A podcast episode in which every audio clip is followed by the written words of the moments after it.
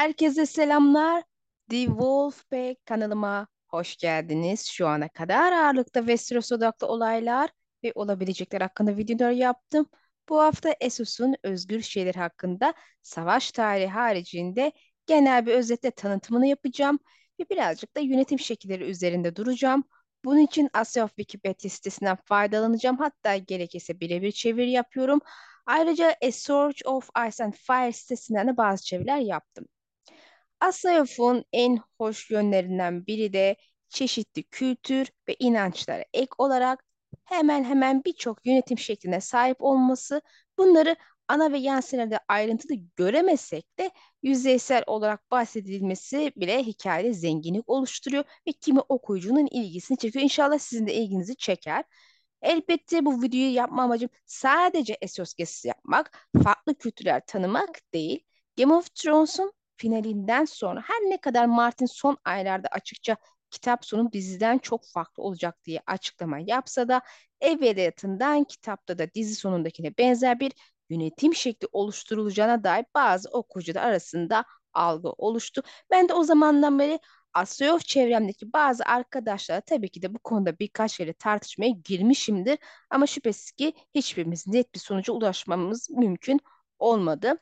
Bu düşüncenin doğmasında dizinin etkisine ek olarak iki şeyin sebep olduğunu düşünüyorum. İlki Bran'ın kral olmasını belli bir mantık üstüne oturtma çabası. Diğeri de muhtemelen modern demokrasi anlayışıyla büyümemizin etkisiyle olayı biraz idealize eden okuyucuların bunu seriye yansıtma çabası. İşte bakın monarşi işe yaramıyor. Martin bize bunu gösteriyor başından beri. Yönetim şeklini değiştirecek demokrasiye yakın bir şey geçirecek. Böyle olması zaten daha mantıklı vesaire şeklinde bir argüman. Ben elbette bu düşüncelerin hiçbirine katılmıyorum. E, Bran mevzusu için zaten en az iki video mevcut. Bu sebeple tekrara girmek anlamsız olur.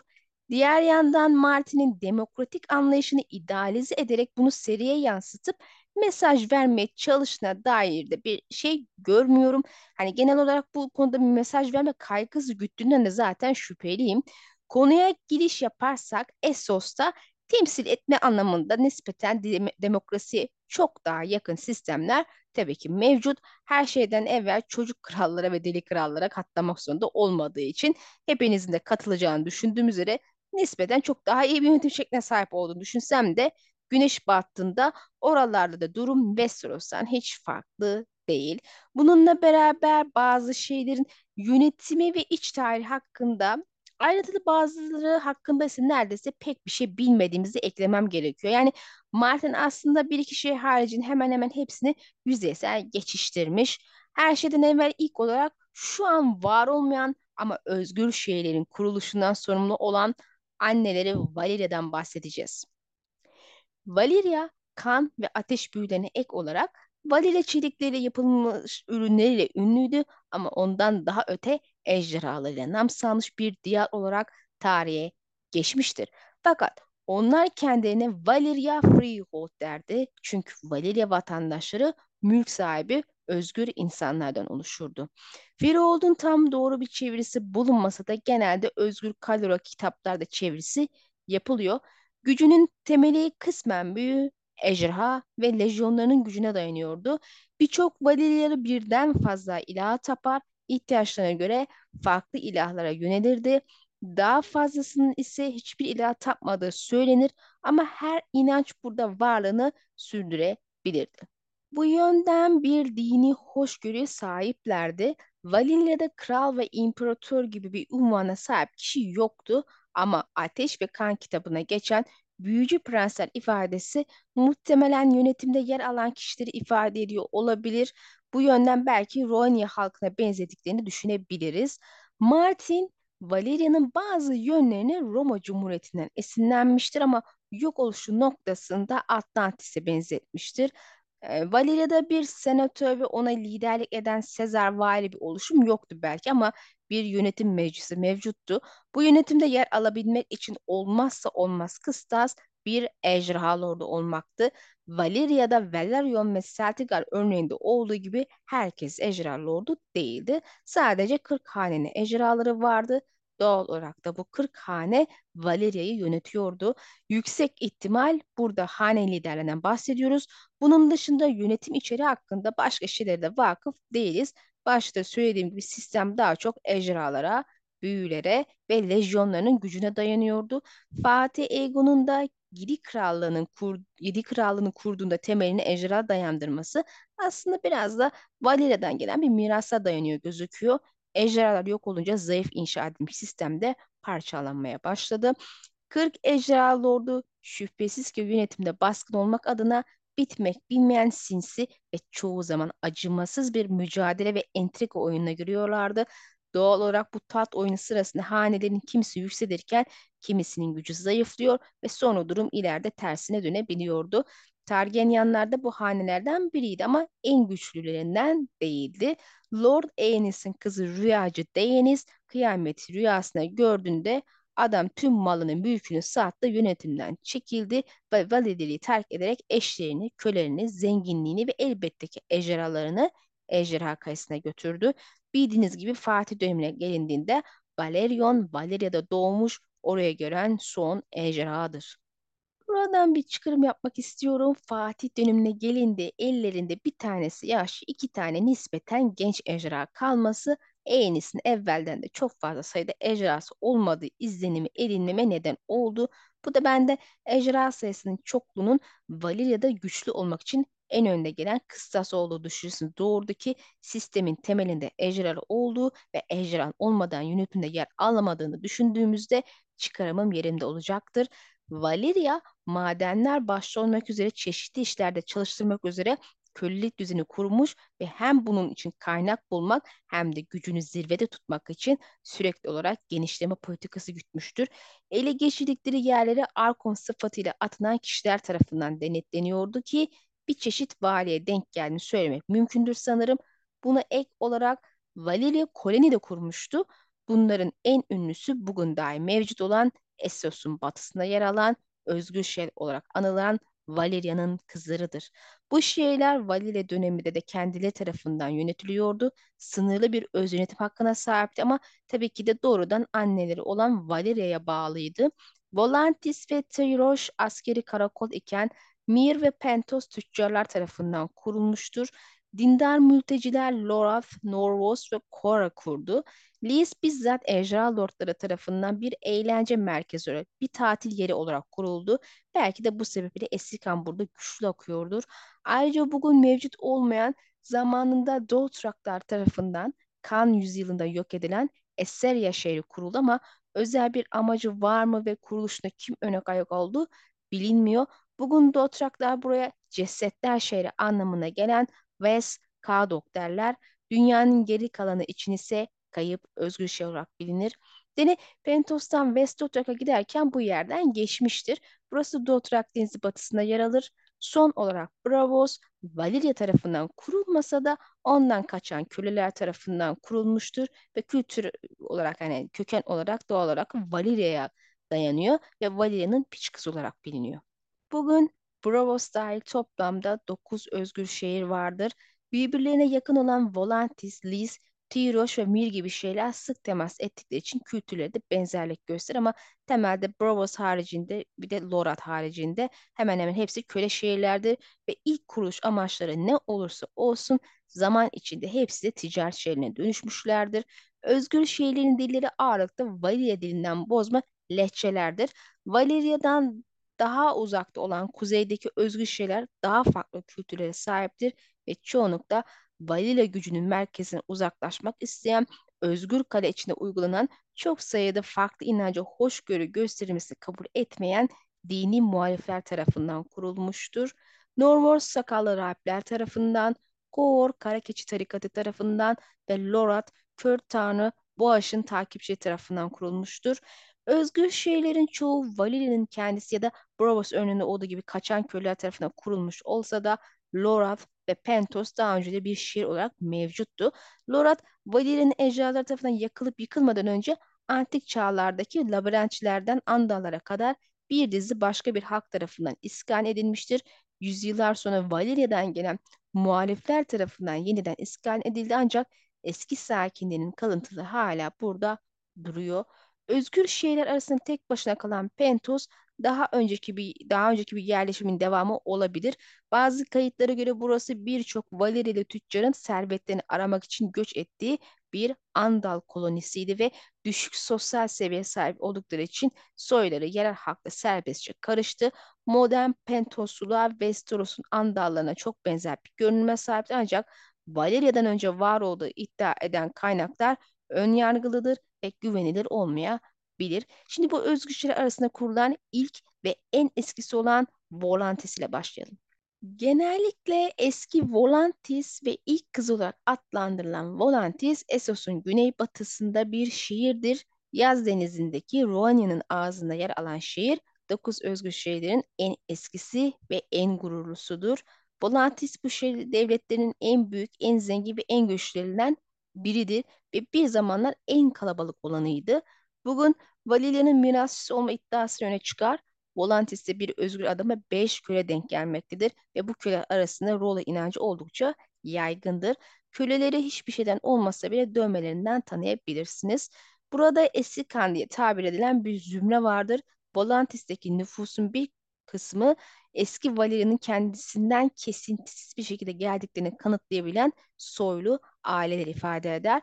Doğu Volantis'in kara duvarlı içinde yalnızca Esikan'dan olanların yaşamasına izin verilir ve yalnızca onlar köleleri, özgür insanları veya yabancıları girmeye davet edebilir. Kısa bilgilendirmeden sonra yönetim şekline de şöyle bir göz atalım.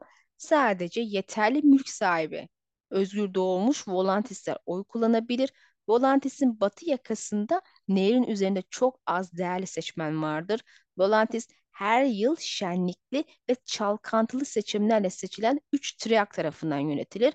Yabancılar seçimleri kaotik görse de genellikle barışçıl geçer.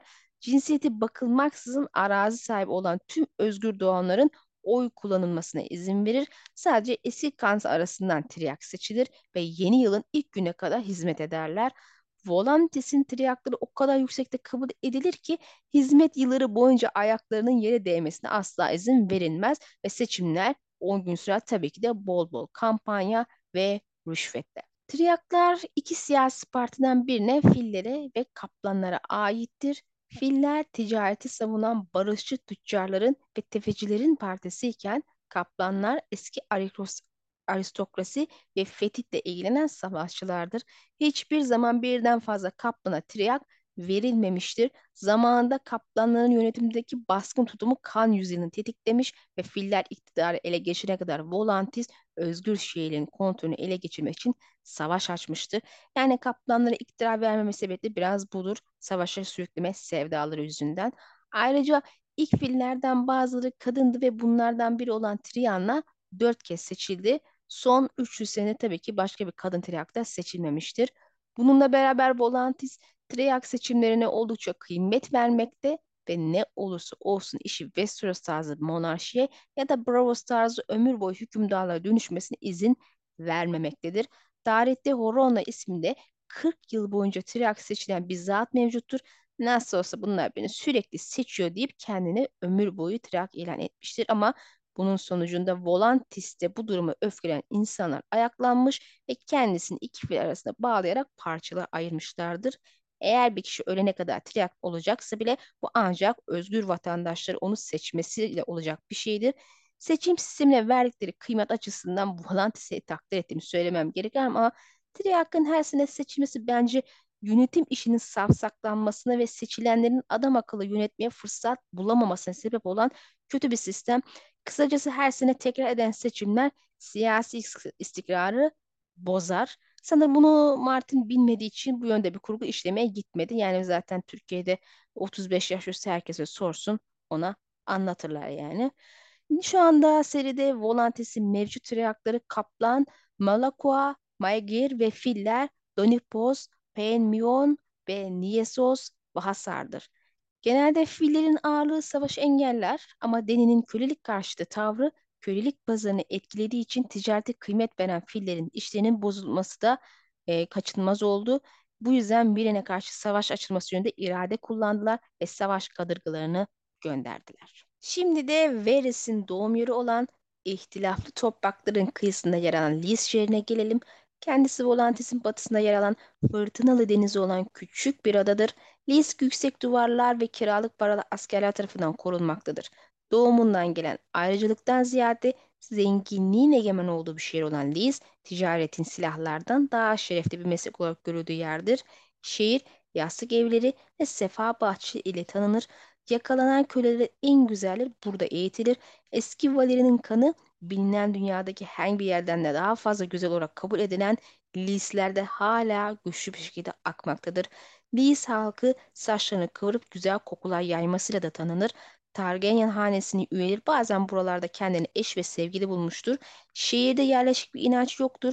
Birden fazla inanç gözlemlenebilir. Lis'teki bazı ejra lordlarının Valeri kıyametinden sağ kurtulduğu ancak Valeri'nin yok oluşunu takip eden ani siyasi kargaşada halkın ejraları ve onların ejralı binicilerini öldürdüğü söylenir. Eğer bu doğruysa bu nasıl yaptıklarını gerçekten merak ediyorum.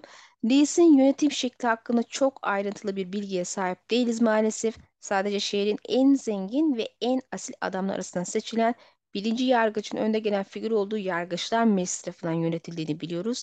Ayrıca Gonfaloniere isminde seçilmiş bir askeri liderleri de var. Liste de yönetilmeye geçmek için kendi aralarında zaman zaman kanlı olmak üzere ciddi bir rekabet sürmektedir. Diğerlerinde olduğu gibi yargıç veya askeri lider seçilmek için de rüşvet oldukça motive eden araçlardan biri olarak öne çıkar. Kendi muhafızları tarafından öldürülen e, gonfoleniyerler ya da zehirlenen birinci yargıçlar listelerinde karşılaşabileceğiniz olaylardan bazılarıdır. Yönetime gelenler kaç yıla ile görev yaptıklarını bilmiyoruz ama ömür boyu seçilmediklerini biliyoruz. Tarihindeki en önemli iç olaylardan biri 3. Aegon döneminde kralın kardeşi Viserys'in Lisli eşi Lara'nın ailesinin merkezinde olduğu Lis Bağrı'dır. Durum öyle boyutlara ulaşmıştı ki ulaştığı güçle kendini yaşam boyu birinci yargıç ilan eden prensesin babası ve onun erkek kardeşi asla kanıtlanamasa da yüksekte ihtimal rakipleri tarafından yüzsüz adam kiralanarak öldürülmüştür. Babasının ölümü sonrası oğlu iktidar elde tutmaya çalışsa da başarılı olamadı ve neticede liste bir iç çatışma başladı. Ailenin mal mülkü ele geçirdiği oğlan yakalandı ve gırpaçlanarak öldürüldü. Liz, ihtilaflı topraklar konusunda sık sık Tiroş ve Mir ile kavga eder ancak bu konuda vatandaşların hayatını asla riske atmazlar ve bunun yerine kiralık birlikler tutmayı tercih ederler. Liz'i korsanların genellikle basamak taşlarında yuvaları olduğu da bilinmektedir. Buradan da Lis'in kuzeydeki komşusu ve Davra Nares'in memleket olan Tiroş'a geçiyoruz. Daha önce de ifade ettiğim gibi ilk kurulduğunda askeri bir karakoldu. Temel amaç basamak taşından geçen gemilerin denetimini sağlamakta ama zaman içinde hızla büyük bir ticaret merkezine dönüşmüştür. Yüksek duvarlarla korunan bir kale şehir olan Tiroş, basamak taşının en kuzeyinde ve en doğusundadır. İç duvarları kaynamış siyah ejra taşlarından yapılmıştı ve doğunun güneş mızrağından daha büyüktür. Şehrin büyük bir filosu vardır ve limanın ağzına kanayan kule isminde muhtemelen bir çeşit gözetleme veya fener evi gibi görev yapan bir kule vardır. Lis gibi burada da yerleşik bir inanç yerine birden fazla inanç için tapınaklar gözlenebilir. E, Roller bunlardan tabii ki biri. Halkı gürültülü, gösterişli ve parlak renkli seven ve aç gözü kabul edilir. Kendi bölgelerinden elde ettikleri renkli boyalarla saçlarını ve sakalını boyamaları ünlüdürler. En az bir bankası mevcuttur. Köle ticaretiyle yakından ilgilenirler ve tüccarlar bu konuda saldırgandır. Köleleştirmek için sur ötesine giderek yabanıl arayışına çıktıkları da bilinmektedir. Burada köle sayısı özgür doğanlar oranla e, 1'e 3 daha fazladır. Yönetim şekli hakkında çok ayrıntıya vakıf olmasak da bir meclis ve o meclisin içine, içinden seçilen bir arkon tarafından yönetildiğini biliyoruz. Diğer özgür şehirlerde olduğu gibi meclis ve arkon seçilen kişiler de şehrin en zengin ve soylu kişiler arasındadır. Lakin arkon ve meclis üyeleri kaç sene boyunca vazife yaparlar, seçim süreçleri nasıl işler gibi konular hakkında şu ana kadar bir bilgi verilmemiştir. Tarih boyunca Tiroş basamak taşları için sık sık komşuları Mir ve Lis ile savaşmıştır ve bazen de ittifak kurup diğer özgür şehirler ile savaşmışlardır. Lis'te olduğu gibi Tiroş'ta da kıyamet sonrasında burada bulunan bazı ejderha lordları ve ejderhalar hayatta kalmış ama kısa sürede öldürülmüşlerdir. Ben pek anlamıyorum bu işi ve madem bu kadar kolay öldürülmeleri Westeros nasıl 3 ejderha ve bir aileyi öldüremedi? Lis ve Tiroş hep mi yerde ve kapalı bir mekanda ejderhaları yakaladı? Çünkü uçan ejderhaları öldürmek imkansıza yakın gibi bir şey. Kişisel fikrim yazar bu kısmı çok zayıf işlemiş. Yani illa kıyamet sonrasında Valeria'da olmayan ejderha lordları olmalı ama onları hızlıca yok etmem gerekir düşüncesiyle altını böyle çok doldurmadan bir kalem hareketiyle öldürdü. Yahut onların ölümlerinin ardında başka güçler var. Genel okuyucu kitlesini kabul ettiği gibi Valeria yüzsüz adamlar tarafından yok edildi ise o halde arta kalan ejderhalar ve lordları da onların ön ayak olmasıyla öldürüldü. Ama o halde Targaryen hanesine karşı neden uzunca bir süre şey uzunca bir süre bir şey yapılmadı veya yapılamadı? Bunu çok dağıtmadan devam edelim. Tiroş'un iç çatışmaları varsa bile siyaset tarihi hakkında bilgi verilmediği için bilgimiz yok. Genel bilgiler daha çok dış savaşlar üzerine. Şimdi Kırmızı Rahip Toros'un memleketi, Tiroş'un batısına yer alan komşusu Mir'e geçelim.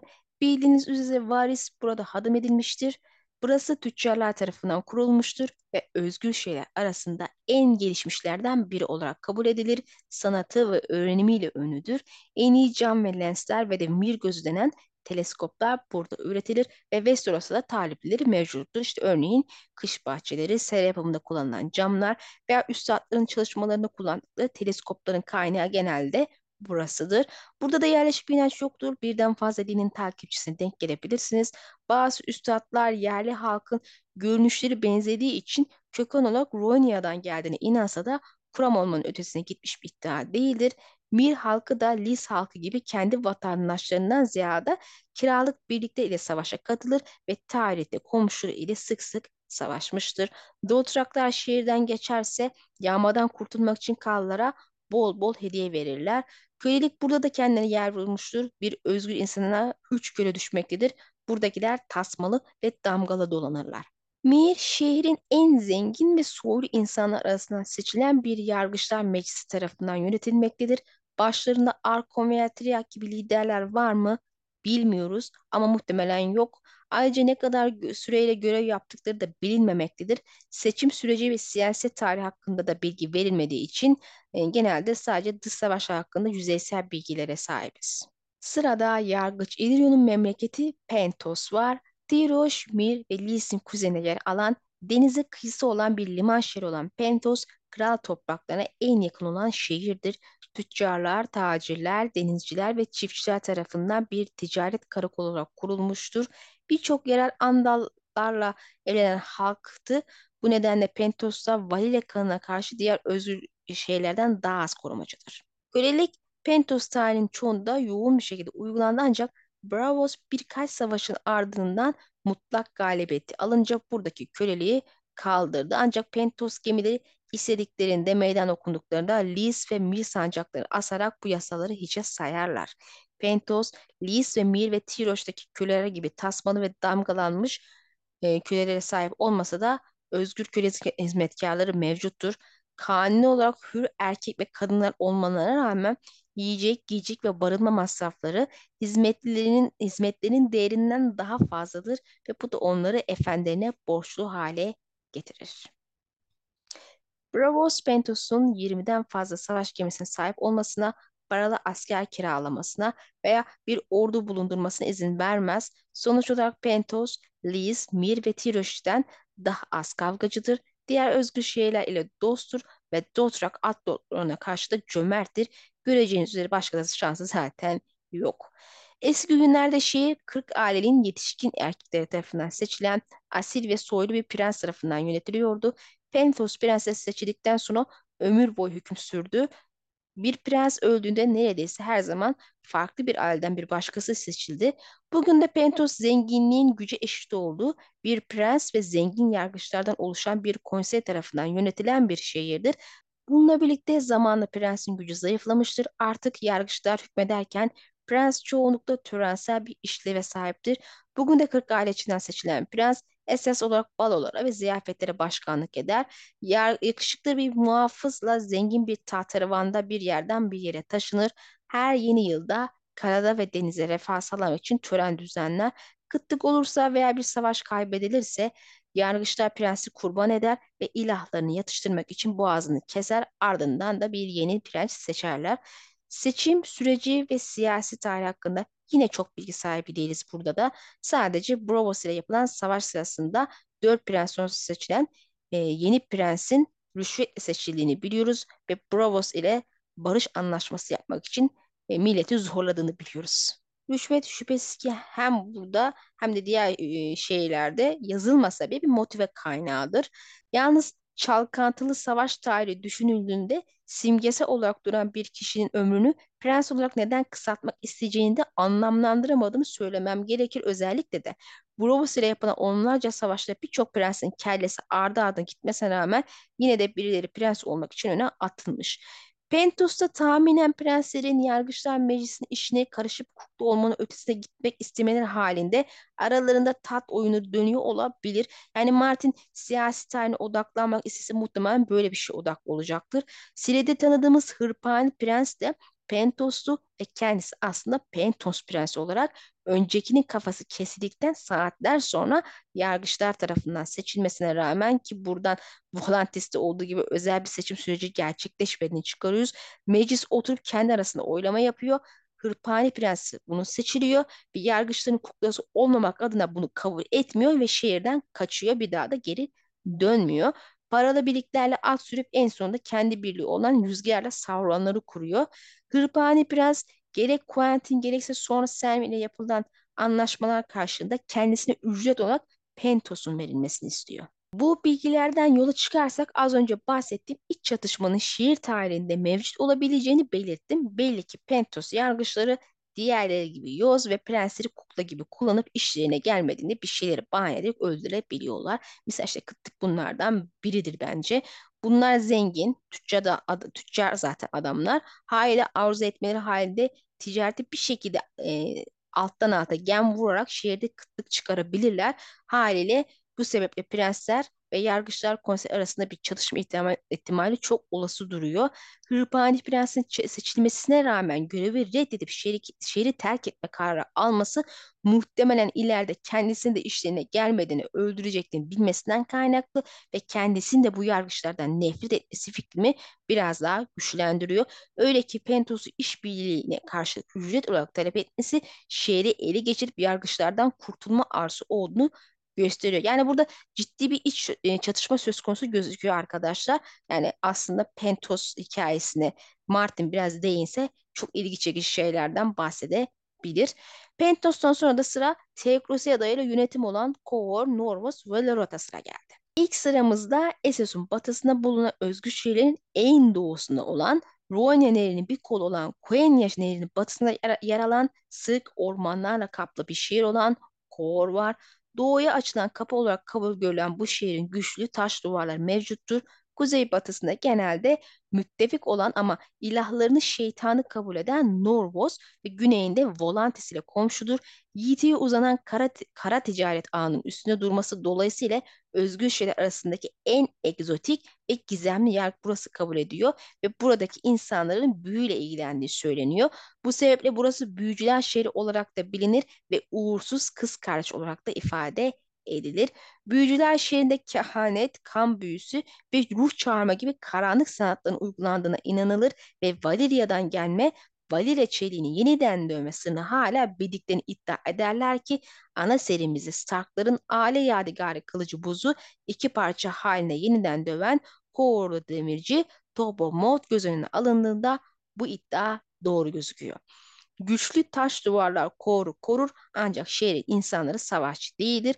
Onlar savaşçı değil tüccardır. Küçük bir şehir bekçisinin yanı sıra şehrin savunması kölelere yani lekesi olarak bilinen köle, köle, e, köle körfezi kıyısındaki antik Giscar şehri Astopor'da yetiştirilip eğitilen hadım piyadelere emanet edilmiştir. Koor halkı normal günlerde dana, boğa ve at gibi günlük kan kurbanları yaparlar ya da kutsal günlerde mahkum edilmiş suçlular Kor'un kara keçisi adına bir karanlık tanrıya e, kurban edilir. Bu aslında bir ölüm ilahı.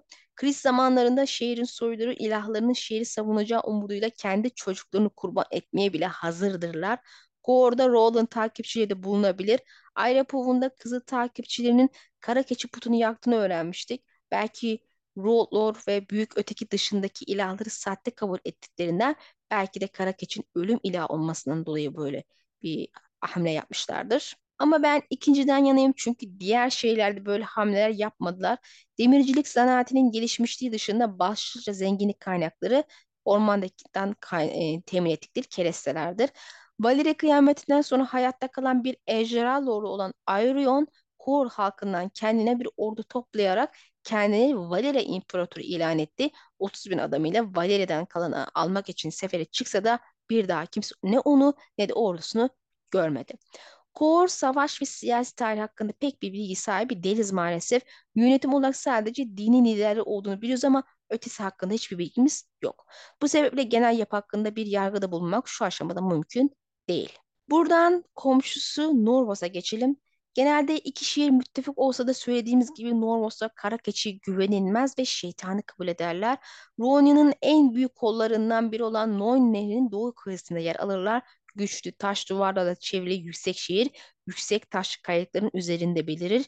Noros'un eski soyları, sakallı rahiplerin büyük kaya tapınaklarının egemen olduğu kasvetli olarak görülen yukarı şehirde yaşar.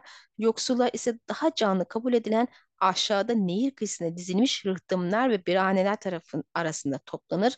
Şehrin iki bölümü yalnızca günahkarın merdivenleri adı verilen devasa bir taş merdivenle birleştirilir. Normos'un yaklaşık 100 fersah kuzeybatısındaki bir mağara sistemi o kadar geniş ve derindir ki efsaneye göre burası yer altı dünyasına giriştir.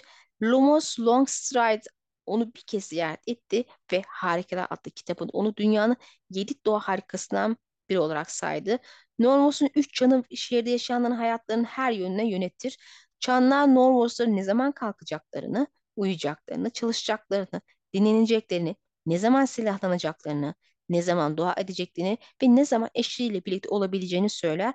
Her çanın kendine özgü bir sesi ve adı vardır. Noros bir teokrasiyle yönetilir. Bir yargıç konseyi olsa da üyeleri ilahları adına konuşan ve özgür şehirde gerçek gücü elinde bulunduran sakallı rahipler tarafından seçilir. Yargıçlar Kalasar'ın şehre zarar vermemesi için geçen Dothrak kanlarına bolca bağışta bulunurlar. Normoslar arasında sadece rahiplerin sakat bırakmasına izin verilir. Rahipler kıl gömlekler ve tabaklanmamış deriler giyerler. İnsiye edildikten sonra bu erkeklerin saçma, saçlarını kesmeleri ya da tıraş etmeleri yasaktır. İbadetlerinin bir parçası olarak kırbaçlama ayini uygularlar. Normos'un taptığı ilahın adı yalnızca insiyane, insiyane olmuş rahipler tarafından bilinmektedir. Serimizde Norvos kökenli iki kişi öne çıkar. Doran Martel'in karısı ve sakallı rahipler tarafından yetiştirilmiş Doran'ın koruması olan Areo Hota.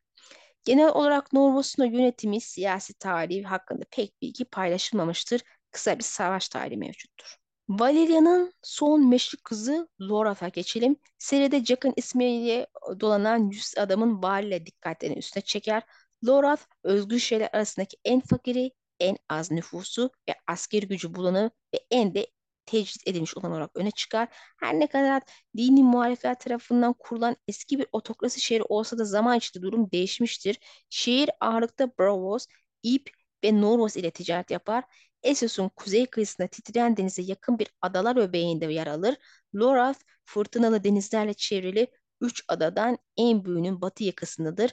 Lorat Körfezi'nin ağzındadır ve, ve Bravos hariç özgür şehirlerin en kuzeyindedir. İkinci en büyük ada Lorasyon'dur ancak çok sayıda daha küçük adalar vardır. Adaların güneyinde sık ormanlarla kaplı bir yarımada bulunur. Eski günlerde Lorat'ın yönetimi aks kadar doğuya kadar uzanıyordu ancak şehrin gücü yüzyıllar içinde azaldı ve bugün Lorat, Lorat Körfezi'nin yalnızca güney ve doğu kıyıları üzerinde etkili yönetim uyguluyor.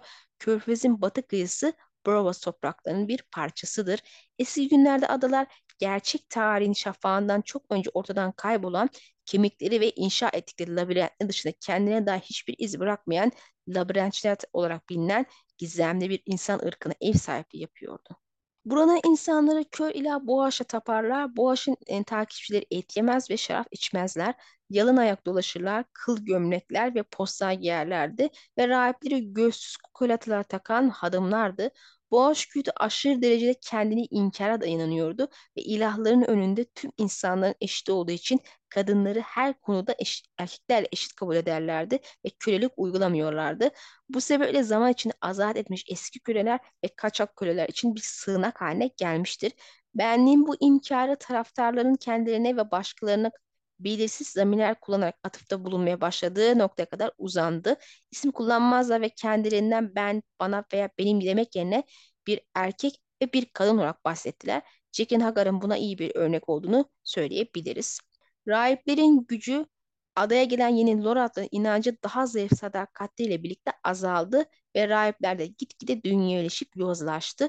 Sonunda insanlar ayaklanıp rahipleri öldürmeye başladı.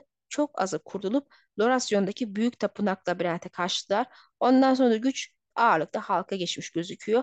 Lorat eskiden üç prens tarafından yönetilirdi. Hasat Prensi, Balıkçı Prensi ve Sokakların Prensi. Bu prensler bir kez seçildiklerinde ömür boyu görev yapıyorlardı. Hepsi oylamayla seçilirdi. Hasat Prensi adalarda toprağı olanlar tarafından, Balıkçı Prensi gemi sahibi olanlar tarafından, Sokakların Prensi ise şehirdeki özgür insanların oylarıyla seçilirdi.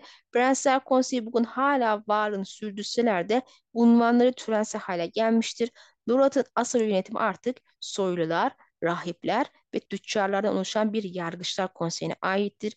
Bunun dışında Lorat hakkında genel bir savaş siyasi tarihi aşina değiliz. Kan yüzünde bile pek adı geçmez çünkü hep yani dediğimiz gibi nispeten çok uzaktadır. Hem de askeri gücü çok denecek kadar azdır. Lis gibi kiralık birlikleri de güvenmezler. Şimdi geldik Valeria'nın evden kaçan piç kızı Bravos'a. Martin'in de Essos'ta yaşamak isteyeceğini söylediği özgür şehir uzunca süre saklandığı için gizli şehir olarak da bilinir ve özgür şehirlerin boyut olarak nispeten daha küçük olsa da şu aşama en zengini ve en güçlüsü kabul edilir, öyle düşünülür. Asıl gücü denize yatar, Volantis ondan sonraki en güçlüsüdür. Onun gücü de karadan yatıyordu. Ayrıca dünyadaki en büyük ve en ünlü demir bankasına ev sahipliği yapar. Elbette ünlü yüz adamları barındırdıklarını da unutmayalım. Bravos, Valeria'nın ejderha lordlarından kaçan köleler tarafından bulunup kurulmuştur. Bu yüzden ejderhalar ile ilgili şakalar yapmaktan hoşlanmıyorlar. E, kölelik karşıtı politikaları mevcuttur. Pentus'u savaşta yendiğinde oradaki köleliği kaldırmaya şart koşmuşlardı. Bravos'un kesin kuruluş tarihi bilinmemiş, bilinmiyor ve şehrin varlığı bir yüzyıl boyunca gizli tutulmuştur. Üstad Yandel, Deniz Lordu Utero Zaline'nin şehrin kuruluşunu kutlandığı 111. yılındaki festivalde Utero'nun ortaya çıkışı veya maskesinin düşürülmesi sırasında Bravos'un varlığını tüm dünyaya ilan etmek için dört bir yana gemiler gönderdiğini söyler. Buna rağmen şehrin konumu birkaç yüzyıl daha gizli kalmıştır. Bu festivali yüksek ihtimal bir sonraki kitapta okuyacağız arkadaşlar inşallah. Ee, kaçan kölelerin eski efendilerinin torunlarına çalınan gemiler için tazminat ödendiği bilinir ancak Bravoslar kölelerin değerini ödemeyi reddettiler. Kaçan köleler birçok ülkeden geldiklerinden ve birçok inanca sahip olduklarından Bravos'un kurucuları tüm dinlerin haklarının belirli bir yer yarattı ve hiçbirinin diğerinden üstün kılınmayacağına karar verildi. Bu yüzden her inanca sahip kişi ve tapınağı Bravos'ta bulabilirsiniz. Sadece kuzeyin eski dinine ait bir tapınak veya onu temsil edecek bir yapı şu ana kadar görünmemiştir. Bravos titreyen deniz ile dar denizin birleştiği yerde bulunan geniş bir lagundaki yüz adaya yayılmıştır. Yakındaki ana kara çoğunlukla bataklık ve bazı noktalar suya batmıştır. Coğrafya ve iklim yüzünden çok zenginin avlu bahçeleri haricinde ağaç yoktur. Yahut limon gibi meyve ağaçları büyümez. Bu da Bravos'u taş mimari ve granit anıtlarından oluşan düz bir şehir yapıyor. Bravos'un deniz tarafları ise Selegoro'nun kalkanı gibi şehrin etrafında bir yarım daire oluşturan yüksek dağlık adalarla korunmaktadır. Yakacak odun mavnalarla getirilirken şehri çevreleyen adalardaki çamlar limanları korumak için rüzgarı siper olarak bırakmıştır ve kesilmeleri yasaktır. E, doğal olarak e, buradaki yakacak odun bulmak vesaire oldukça pahalı bir şey. Son, sonbaharda Bravos'ta genellikle üç tür hava görülür. Sis, yağmur ve dondurucu yağmur. Ancak açık, berrak ve aydınlık günler de vardır. Kışa yakın zamanlarda kanallar buz tutabilir. Bravos'u besleyen ve koruyan sular aynı zamanda onu tehlikeye atıyor. Çünkü son 200 yılda şehrin bazı adaların üzerlerini örten binaların ağırlığı altında battığı ortaya çıktı. Bravos'un bulunduğu lagüne girmek için devasa bir savaş şeklindeki taştan bir kale olan Bravos'un Titan'ın altından geçmek gerekiyor. Titan her şafakta ve her gün batımında kükrer ve her saat başı bir gemi yaklaştığında da gibi görünüyor. Kükremesi şehrin her yerinden duyulabilir, hafiftir ama uyuyan şehri uyandırabilir. Titan'ın hemen ötesinde bir savaş gemisinin bir günde bir günde inşa edilebildiği ve Titan tarafından korunan büyük bir tersane olan Arsenal bulunur. Genel olarak Bravoslar nazik insanlardır. Şarkı söylemeyi çok severler.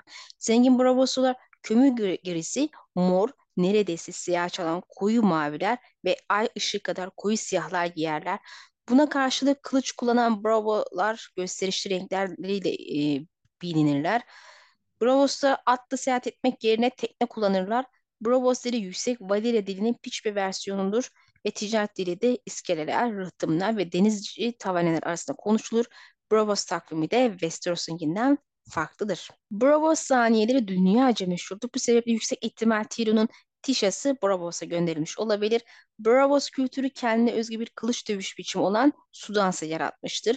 Bu stil uygulayıcının yan durduğu ve ince bir kılıç kullandığı rafine bir eskrim biçimidir. Bravo, Bravo'ların en büyükleri kendilerini Sudansçı olarak adlandırır ve her zaman geceleri duel yaparlar. Atlarını deniz zorluslarının yakındaki Ay havuzunda düello yapma geleneğinden alırlar. Şehrin yöneticisi, şehrin kuzeydoğusundaki Deniz Zorlu Sarayı'nda yaşayan Deniz Lordu unvanı kişilerdir. Şu anda Ferego Antaryon olan Deniz Lordu kalıtsal veraset yerine Braus yargıçlar ve anahtar sahipler tarafından karmaşık bir süreçte seçilir ve ömür boyu görev yaparlar. Haleflerinin seçim oldukça tartışmalı olabilir ve şiddete başvurulabilir, kan dökülebilir. Stark şimdiki Deniz Lord'un ölümünden sonra hançerlerin çekileceğinden bahseder. Buradan yola çıkarsak seçimlerin oldukça agresif ve entrikalı geçtiği sonucu çıkarabiliyoruz.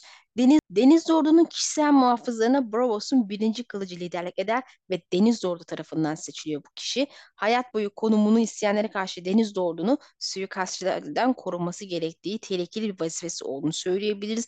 Ve tabii ki de kendi konumunu da talep eden diğer su dansçı ile de uğraşmak zorundadır. Bundan yola çıkarak Deniz Zorlu aksine emir, aksi yönde bir emir vermediği sürece Deniz Zorlu gibi birinci kılıçlarında ömür boyu vazife yaptığını rahatça söyleyebiliriz.